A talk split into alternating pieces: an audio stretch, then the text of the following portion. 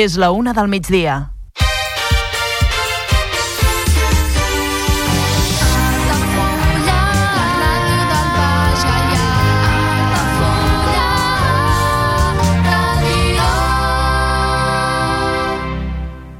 Altafulla Ràdio.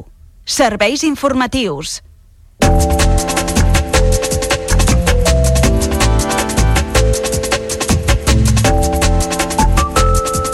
Sa Majestat Carnestoltes ja regna Altafulla. Les colles eufòriques han sortit al carrer per rebre el rei de la disbauxa que ha pronunciat un pregó farcit de crítica i actualitat. Carrosses i comparses prendran als carrers d'Altafulla aquest cap de setmana de Carnaval. La novetat del programa d'enguany és el dinar de Germanó que diumenge celebraran totes les colles amb la voluntat de fer pinya. El Mercat Art al carrer torna aquest diumenge amb Cupido de protagonista. Una vintena d'expositors participaran de la mostra que puntualment aquest febrer ha modificat el calendari. La Vila Romana dels Munts obre les portes per donar a conèixer la vida de les elites que hi residia. Aquest diumenge els visitants podran gaudir d'un recorregut comentat per les diferents estances del conjunt arqueològic. En l'àmbit del Baix Gaià, les rues de Carnaval de la subcomarca amb més participació se celebraran a Torredembarra i Roda de Barà. La Pobla de Montornès va encetar la festivitat el cap de setmana passat i Salamó i Creixell l'organitzaran el 17 de febrer. Es convoca el segon concurs de microteatre de la Pobla de Montornès. La proposta torna després de l'èxit de la primera edició i enguany se celebrarà el 9 de març amb quatre obres. La policia local de Torredembarra deté tres individus per robatoris amb força. Els delictes s'han comès en un habitatge particular de la urbanització marítima i a les instal·lacions del Parc de Vall Trial. Més coses, el Senat aprova una moció perquè el govern espanyol acabi el corredor mediterrani l'any vinent. A proposta de Junts, el text també reclama una solució definitiva perquè els trens de mercaderies passin per l'interior del Camp de Tarragona. La pagesia obté el compromís polític per instar la Generalitat a revisar les restriccions d'aigua, reduir la burocràcia i agilitzar el pagament d'ajuts. Unió de Pagesos ha convocat una altra jornada de protesta dimarts que ve i avança que bloquejarà els accessos al Port de Tarragona. I en esports, el regatista Àlex Martí representa el Club Marítim Altafulla al Mundial d'Icofoil a Lanzarote. Ha sigut un dels 13 components de la delegació espanyola i un dels 7 que han competit en la modalitat masculina. I la Federació Catalana de Patinatge atorga el trofeu excel·lència de la temporada 2023 al patinador del patinatge Torre d'Embarra, Ot Font. El jurat ha reconegut els seus mèrits esportius, especialment el títol de campió d'Europa en categoria júnior.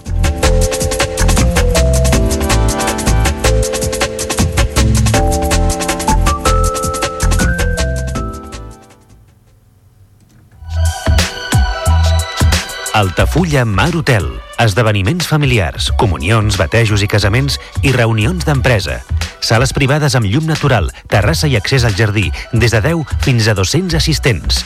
Altafulla Mar Hotel, el teu espai de confiança per a les teves celebracions familiars al barri marítim d'Altafulla. Demana pressupost sense compromís trucant al 977 65 11 55. Altafulla Mar Hotel. Altafulla Mar Hotel patrocina l'informatiu.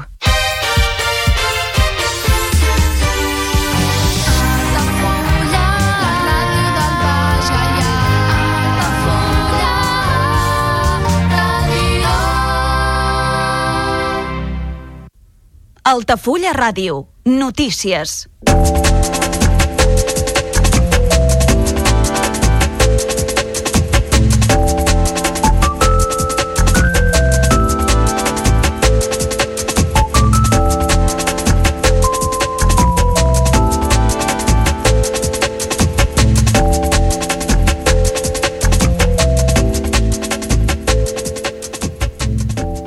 El Carnaval ha començat aquest dijous gras Altafulla amb l'arribada de Sa Majestat Carnestoltes i dues concubines. El rei de la Disbauxa ha encapçalat una rua des del carrer de l'Hostal fins a la plaça del Pou, acompanyats de molts veïns i veïnes i amb els infants com a públic principal. Una gentada que, de manera eufòrica, ha saltat i ballat al ritme de la xaranga pujats de top. Un cop la comitiva reial i tot el seu seguici ha arribat a la seu del consistori, des del balcó central de la Casa de la Vila, el rei del Carnaval Ha pronunciat el tradicional pregó, un Parlament farcit de crítica i actualitat per deixar clar a tothom que arriben uns dies per passar-s'ho bé i gaudir d'una d'aquelles festes que fan un poble viu, amb gresca i gent d'aquí, d'allà o d'on sigui, ha explicat. Benvinguts i benvingudes a un carnaval únic. Deixem de banda pedres i espigons i veiem l'horitzó com una porta d'oportunitats. D'aquelles que fan un poble viu, amb gresca, gent d'allà, d'aquí d'on sigui, i que gaudeixi i s'enamori d'aquest poble emblemàtic. Que el meu antifàs us acompanyi cap a la igualtat, que la meva capa us protegeixi de guerres, que el meu carisma engrescador i crític sigui part de la vostra motivació, per una felicitat i un món millor. Si per Carnaval tot s'hi val, aquest any ho farem real. Després d'un any de resignació, tornem amb tota la bona intenció. El rei dels pocasoltes, tal com s'ha autoanomenat ell mateix, també ha fet referència a l'estat de la platja i als espigons, les inundacions al barri marítim i ha felicitat els grups que estan d'aniversari. I a més a més, ha realçat la tornada a la normalitat del Carnaval altafollenc després que l'any passat les colles habituals renunciessin a participar-hi. Celebrem que estem de tornada, amb noves colles i més ganes de festival Esperem que cap altra vegada Altafulla es quedi sense carnaval. L'any passat els grups se'ls van carregar i a mi una calarada em van pagar.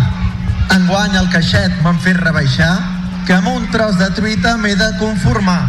La camioneta de l'Ajuntament van adornar amb quatre serpentines. Almenys amb el nou Ajuntament veuré les colles ben boniques.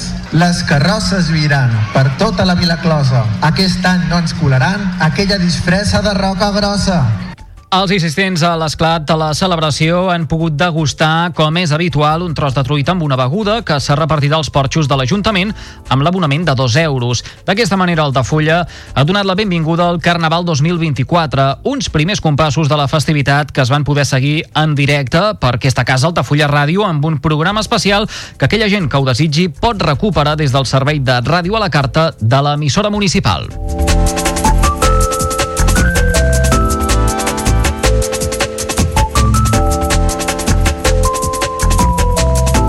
I amb Sa Majestat Carnestoltes, regnant ja Altafulla, el Carnaval encara un programa farcit d'activitats i propostes. I el plat fort arribarà el dissabte a la nit, si la pluja ho respecta, amb la rua que partirà des de davant del castell, a les 9. Recorrerà els carrers del centre del poble i finalitzarà el poliesportiu amb una festa d'accés lliure i gratuït amenitzada per Mas and Mas Show. Diumenge, la rua es traslladarà a Baix Amar a partir de les 11 del matí des de la Via Augusta i en en finalitzar hi haurà guerra de confeti i concert a la plaça dels Vents. En acabat, per fer temps fins a la Rua de la Tarda, el Parc del Comunidor acollirà un dinar popular per les escoles. I ja a les 5 serà el moment de tornar a recórrer el centre de la vila per acabar a la plaça Martí Royo amb una festa familiar. El regidor de Festes d'Altafulla, Àlex Canyes, ha parlat de fer pinya en el marc de la celebració del Carnaval i totes les activitats programades enguany. I amb aquesta voluntat, ha explicat, s'ha organitzat el dinar popular del diumenge, que és la principal novetat dels actes dades d'aquest 2024. Eh, després d'aquest dinar popular, que això sí que és novetat en guany, de, bueno, la idea és això, de, de facilitar primer els grups, perquè sabem que, que molta gent doncs, és complicat, no? la rua al migdia, acabes, ves, fes el dinar, o, o la logística en si, molta gent es perdia el diumenge per la tarda precisament per això, doncs el que vam intentar eh, és posar aquestes facilitats de fer un dinar de germanor, només és per als integrants de les colles, el poliesportiu, això també el que fa és establir vincles no? entre, entre les colles colles i, i no res, que això esperem que ajudi a que la tarda el diumenge doncs, sigui multitudinari. Durant l'arrencada de la celebració aquest dijous a la plaça del Pou, Canyes ha agraït la implicació de les diferents entitats i colles que nodreixen la festa.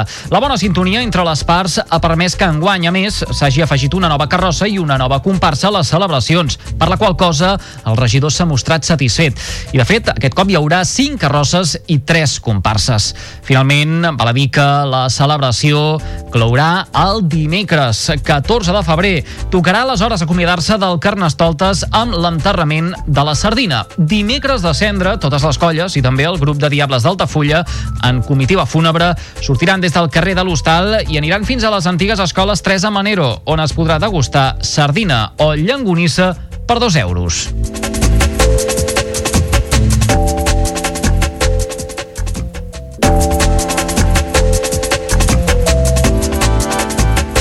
Deixem de parlar per un moment del Carnaval i centrem-nos ara en d'altres activitats i propostes que s'emmarquen en aquest cap de setmana.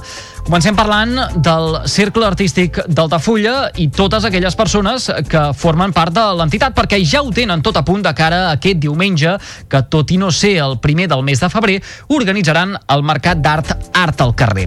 La cita ha rebut molt bones crítiques per part de tothom des que es va començar a impulsar, i tot i la seva periodicitat mensual, l'afany per captar l'interès del públic per part dels que la programen fa que en cap cas cansi o sembli repetitiva. De fet, és un certamen que satisfà força als paradistes, asseguren des del Cercle Artístic, ja que dona una oportunitat de contactar amb el públic que en altres iniciatives costa de trobar.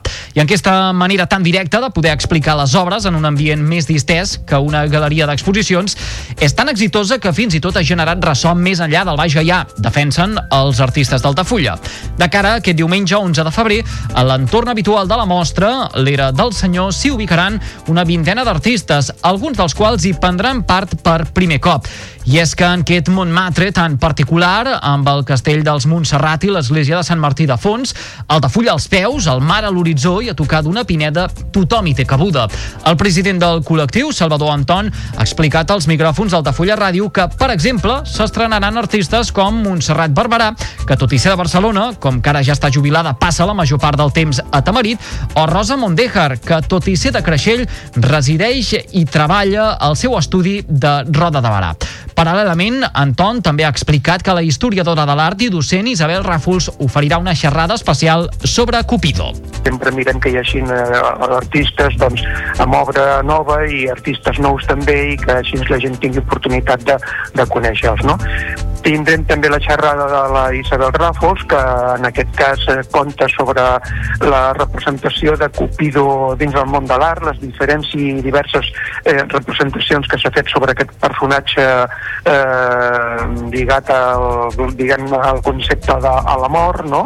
i de l'enamorament i, i bé, mm, doncs esperem que hi hagi un, bueno, una bona assistència de, de, de públic.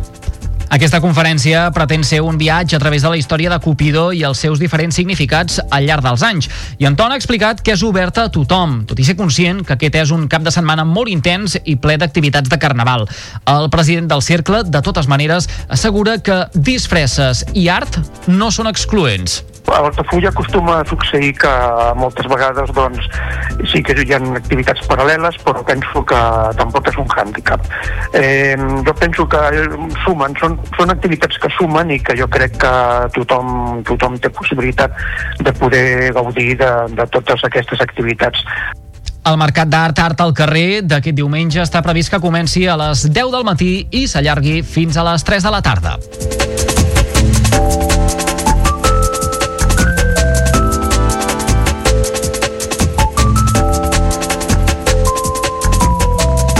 I d'altra banda, la Vila Romana dels Munts d'Altafulla obre les portes de nou aquest diumenge 11 de febrer i serà per oferir un cop més la visita guiada La vida de les elites vora Tàrraco. En aquest sentit, des del Museu Nacional Arqueològic de Tarragona, el Manat, que és qui gestiona l'espai, expliquen que un expert conduirà els assistents en un recorregut comentat per les diferents estances del conjunt arqueològic. L'objectiu de la visita és que aquella gent que hi assisteixi conegui sobre el terreny els aspectes de la vila que li donen el seu particular caràcter imperial. Així com la vinculació del jaciment amb les persones poderoses de Tàrraco i elits de l'època.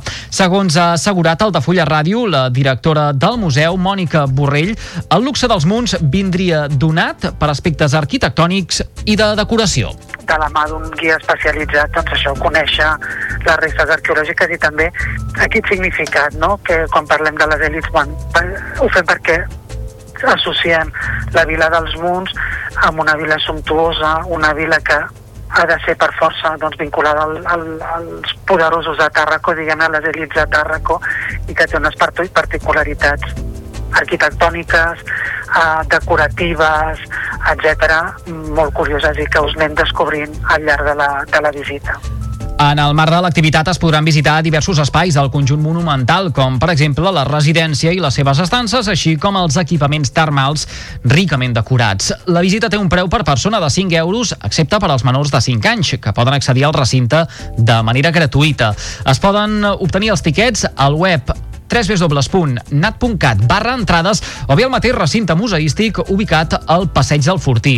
L'itinerari es pot recórrer a partir de les 11 del matí i fins a dos quarts d'una del migdia. I per fer-se més informació cal consultar el web del museu, escriure un correu electrònic a l'adreça manat arroba gencat.cat o bé trucar al telèfon 977 25 15 15.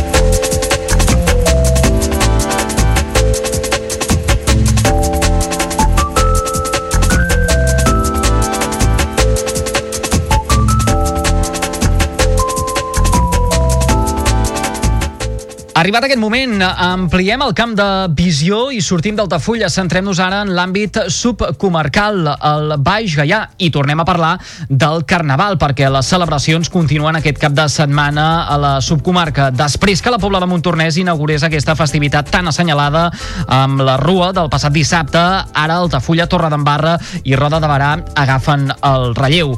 A la Torre, les rues comptaran amb 18 carrosses, després que la de Banyeres del Penedès i la del Vinyana, que inicialment hi havien de prendre part s'hagin donat de baixa. Pel que fa a les comparses, en seran quatre, amb la incorporació d'un altre del mateix municipi. En total, doncs, hi participaran finalment unes 1.700 persones, tant de la Torre com també provinents de Roda de Barà, la Nou de Gaià i el Vendrell. La gran rua del dissabte començarà a partir de les 8 del vespre des de l'Avinguda Pompeu Fabra i recorrerà diversos carrers del centre del poble. L'endemà diumenge, i com ja és tradició, les disfresses es traslladaran a Baix Amar, amb una rua que iniciarà a les 12 del migdia i passarà pel passeig marítim. I a Roda de Barà també hi haurà diverses rues entre dissabte i diumenge. Dissabte serà el torn de l'habitual Rua a la platja al Roc de Sant Gaietà, a partir de les 12 del migdia, que comptarà amb 8 carrosses. I n'hi haurà exactament el doble, un total de 16, a més d'una comparsa, a la Gran Rua pel centre del poble, que tindrà lloc a partir de les 6 de la tarda. Set de les carrosses seran de Roda de Barà i la resta provindran d'altres municipis com l'Arbós, Torredembarra, Altafulla, el Vendrell, Banyeres del Penedès, la Pobla de Montornès i el Vinyana. Tot plegat farà que sumin més de 1.200 participants. Pel que fa al Carnaval a la subcomarca, després d'aquest cap de setmana tan intens, altres poblacions el celebraran el dissabte 17 i diumenge 18 de febrer. És el cas, per exemple, de Salamó i Creixell.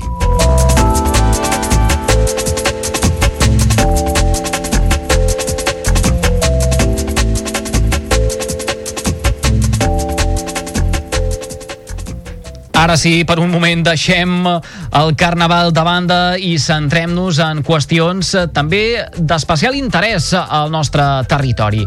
Comencem explicant-los que l'Ajuntament de la Pobla de Montornès i el grup de teatre local d'Altabaix han convocat la segona edició del concurs de microteatre del municipi.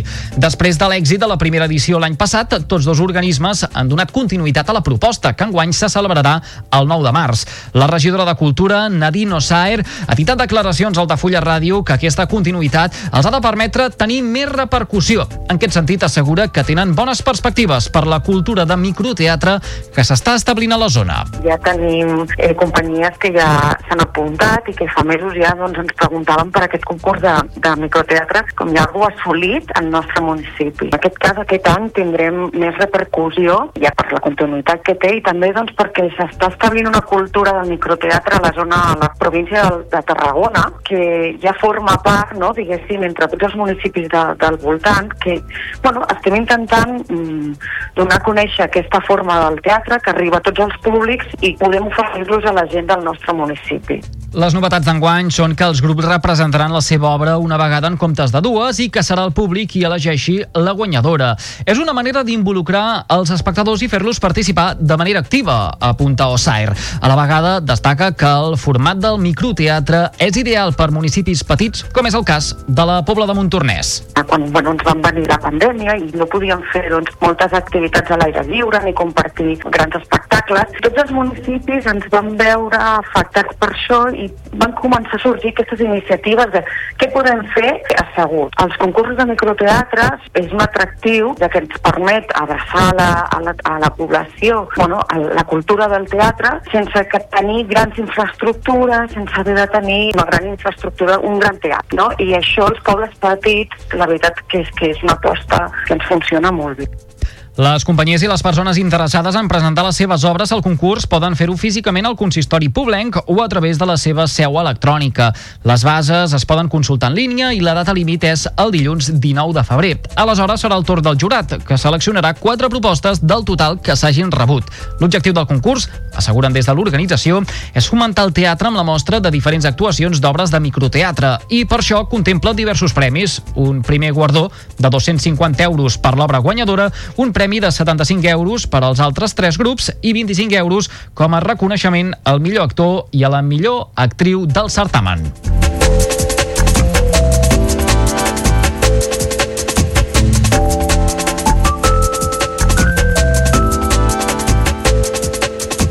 En crònica de successos, hem d'explicar que la policia local de Torredembarra ha detingut tres homes com a presumptes autors de robatoris amb força el passat 5 de febrer a la urbanització marítima i a les instal·lacions del parc de Bike Trial.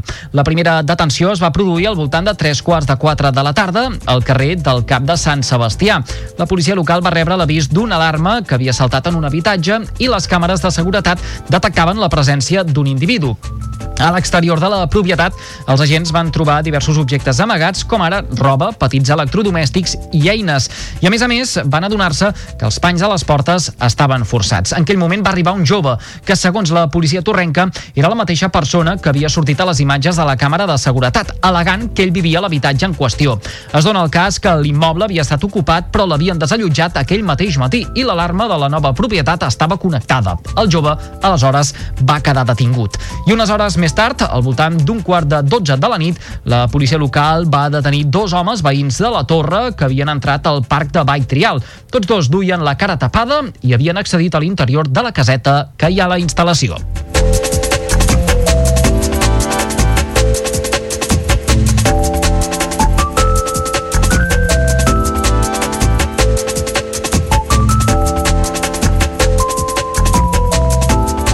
I en l'àmbit territorial hem de fer referència al fet que el Senat ha aprovat una moció de Junts perquè el govern espanyol acabi el corredor mediterrani l'any vinent, el 2025. El text ha prosperat amb 162 vots a favor i 98 abstencions. En la moció també reclama una solució definitiva per fer passar els trens de mercaderies per l'interior del Camp de Tarragona. La moció l'ha defensat la senadora tarragonina Teresa Pallarès, que ha manifestat que l'endarreriment que acumula el corredor del Mediterrani està afectant el desenvolupament econòmic i la competitivitat del Camp de Tarragona. Pallarès ha exposat l'estat en què es troba el projecte i ha denunciat que només un 36% del corredor està en servei i encara hi ha molts trams inconexes. Tots aquests trams, només un 36% està en servei i amb trams inconexos, en fase d'obres es troba un 76% de la infraestructura, pel que fa al projectes, encara hi ha un 15% que està per determinar i després de molts anys i moltes reivindicacions, sembla que s'han complementat els estudis previs. La senadora de Junts pel Camp de Tarragona també ha reclamat al govern celeritat per trobar una solució per fer passar els trens de mercaderies per l'interior. Pallarès ha denunciat que el tercer fil, que s'està implantant a la línia de costa, no pot ser la solució definitiva per l'impacte que tindrà el pas de trens de mercaderies per aquesta via. Finalment, Pallarès ha lamentat que el trànsit ferroviari de mercaderies a l'Estat només és del 5%, quan la Unió Europea fixa que el 2030 s'hauria d'haver arribat al 30%.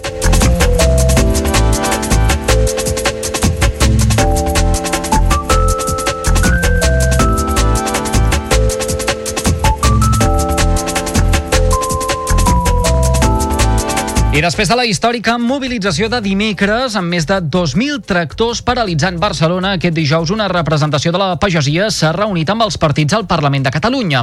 El sector ha aconseguit el compromís de les formacions polítiques per instar la Generalitat a revisar les restriccions d'aigua, reduir la burocràcia i agilitzar el pagament d'ajuts. L'acord amb el PSC, Esquerra Republicana, Junts per Catalunya, la CUP, els Comuns i Ciutadans s'ha segellat en una proposta de resolució que es portarà a la mesa. Un dels representants representants dels manifestants, Joan Rius, ha parlat de la necessitat de simplificar tots els tràmits burocràtics que han de fer i també ha reclamat que es paguin les ajudes pendents, que en altres comunitats autònomes ja s'han liquidat. I anem molt atrasats. S'ha pagat a moltes altres comunitats autònomes d'aquí a Espanya ja s'han pagat tots i aquí a Catalunya no s'han pagat. Per tant, demanem l'agilització d'aquests pagaments, dels ajuts. I, I el tercer punt, i no menys important, treballar conjuntament amb la resta d'institucions governamentals i legislatives competents per impulsar la racionalització de la burocràcia. Amb els pagesos mobilitzats a les portes del Parlament aquest dijous, el conseller d'Acció Climàtica, David Mascort, s'ha compromès a treballar plegats amb el sector per trobar solució, diu, al seu malestar. Uh, seguirem treballant per atendre totes les demandes del nostre sector primari. Segur que treballant plegats ens en sortirem, com sempre, en aquest país quan enfrontem els reptes de forma conjunta. Tot i haver sortit satisfets de la reunió al Parlament, el representant dels pagesos, Joan Rius, ha assegurat que la lluita continua. Unes garanties de que, com a mínim, els grups parlamentaris d'aquí al Parlament es comprometen a intentar gestionar aquests punts, a més de tots els altres punts que ja sabem que, que, que també hi han i, i vull dir, podem estar satisfets tot i que la lluita no s'acaba només es transforma i la victòria no existeix si no escrivim la història. De fet, la setmana vinent, concretament dimarts, Unió de Pagesos ha convocat una altra jornada de protesta. En el cas del Camp de Tarragona, el sindicat té previst tancar els accessos al Port de Tarragona. El coordinador territorial del sindicat agrari, Pere Guinovart, n'ha parlat en una entrevista al programa en xarxa d'aquesta casa, Carrer Major. L'objectiu d'aquesta mobilització és que el Port de Tarragona és on té entre tot el cereal de Catalunya i part d'Espanya, de, que el cereal ve, ve de la importació, que els preus del cereal estan estan rebentats, estan a 20 cèntims, que venim de dos anys de sequera de sense producció i aquest eh, de motius ens en sobren, com diem nosaltres. Dimarts vinent també hi haurà marxes lentes i talls a les autopistes i el dia 21 de febrer la protesta es traslladarà, diuen, a Madrid.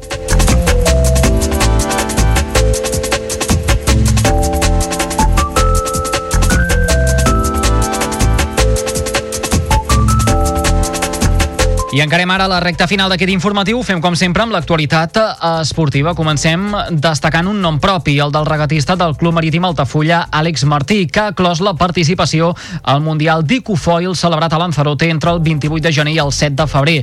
Ho ha fet acabant en la posició 110 d'un total de 118 esportistes procedents d'arreu del món, amb 545,2 punts nets en les 19 proves celebrades. El director tècnic de l'entitat, Marc Collado, ha dit una entrevista al programa Baixa e Esports que Martí es mereixia viure una experiència com aquesta per la constància en el treball que ha fet en els últims anys. Sí, estem encantats amb l'Àlex. Eh, ja venim, eh, ja venim d'una temporada en què l'Àlex no ha parat d'entrenar, sigui aquí a Altafulla, sigui a Barcelona, sigui amb, amb la selecció. Eh, L'Àlex és, és, és un tot terreny, no para, i estem encantats de, de, de que hagi tingut aquesta oportunitat i de que hagi pogut viure eh, perquè s'ho mereix, s'ho mereix. Al final és una, creiem que és, un, és, és el resultat de, de molts anys de feina i, i de, sobretot molta, molta, molta bueno, ha sigut molt constant i creiem que, creiem que, bueno, que ara era un moment per gaudir-ho, no? Al final anar allí, competir amb els, a, a, a més alt nivell és una cosa que a ell li, li motivava molt. Martí ha representat tant l'entitat com la Vila Altafullenca en una de les competicions més importants de la modalitat i dels esports de vela en general. Ha estat un dels 13 components de la delegació espanyola i un dels 7 que han competit en la modalitat masculina. El regatista del Club Marítim Altafulla havia obtingut el bitllet per participar al Mundial en els Icofoil Games, una altra competició internacional que precisament es van celebrar a les Palmes.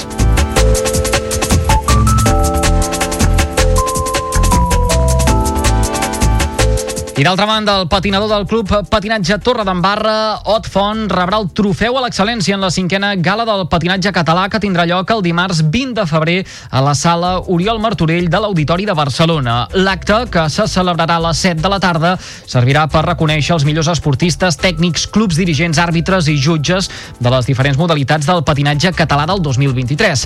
En declaracions a Bajo Esports, Font es mostra molt content perquè aquest trofeu, diu, és un reconeixement a tota la feina feta en la temporada 2023, una distinció important per l'organisme que l'atorga i per la llista de candidats i candidates que optaven a rebre'l. Igual que, que fa dos mesos, un mes, una setmana, um, treballant a tope, entrenant cada setmana i res, entrenant a tope perquè d'aquí ja dos mesos comencem temporada 2024 i, i ha sortit tot ja rodó, així que entrenant a tope perquè tot estigui ben, ben net i ja podes dur tota la coreografia. De fet, tal com acabem d'escoltar, Font ja prepara la nova temporada. Val a dir, però, que enguany només competirà de forma individual, ja que treballar amb un binomi suposa emprar moltes hores més d'entrenament amb el desgast que això comporta.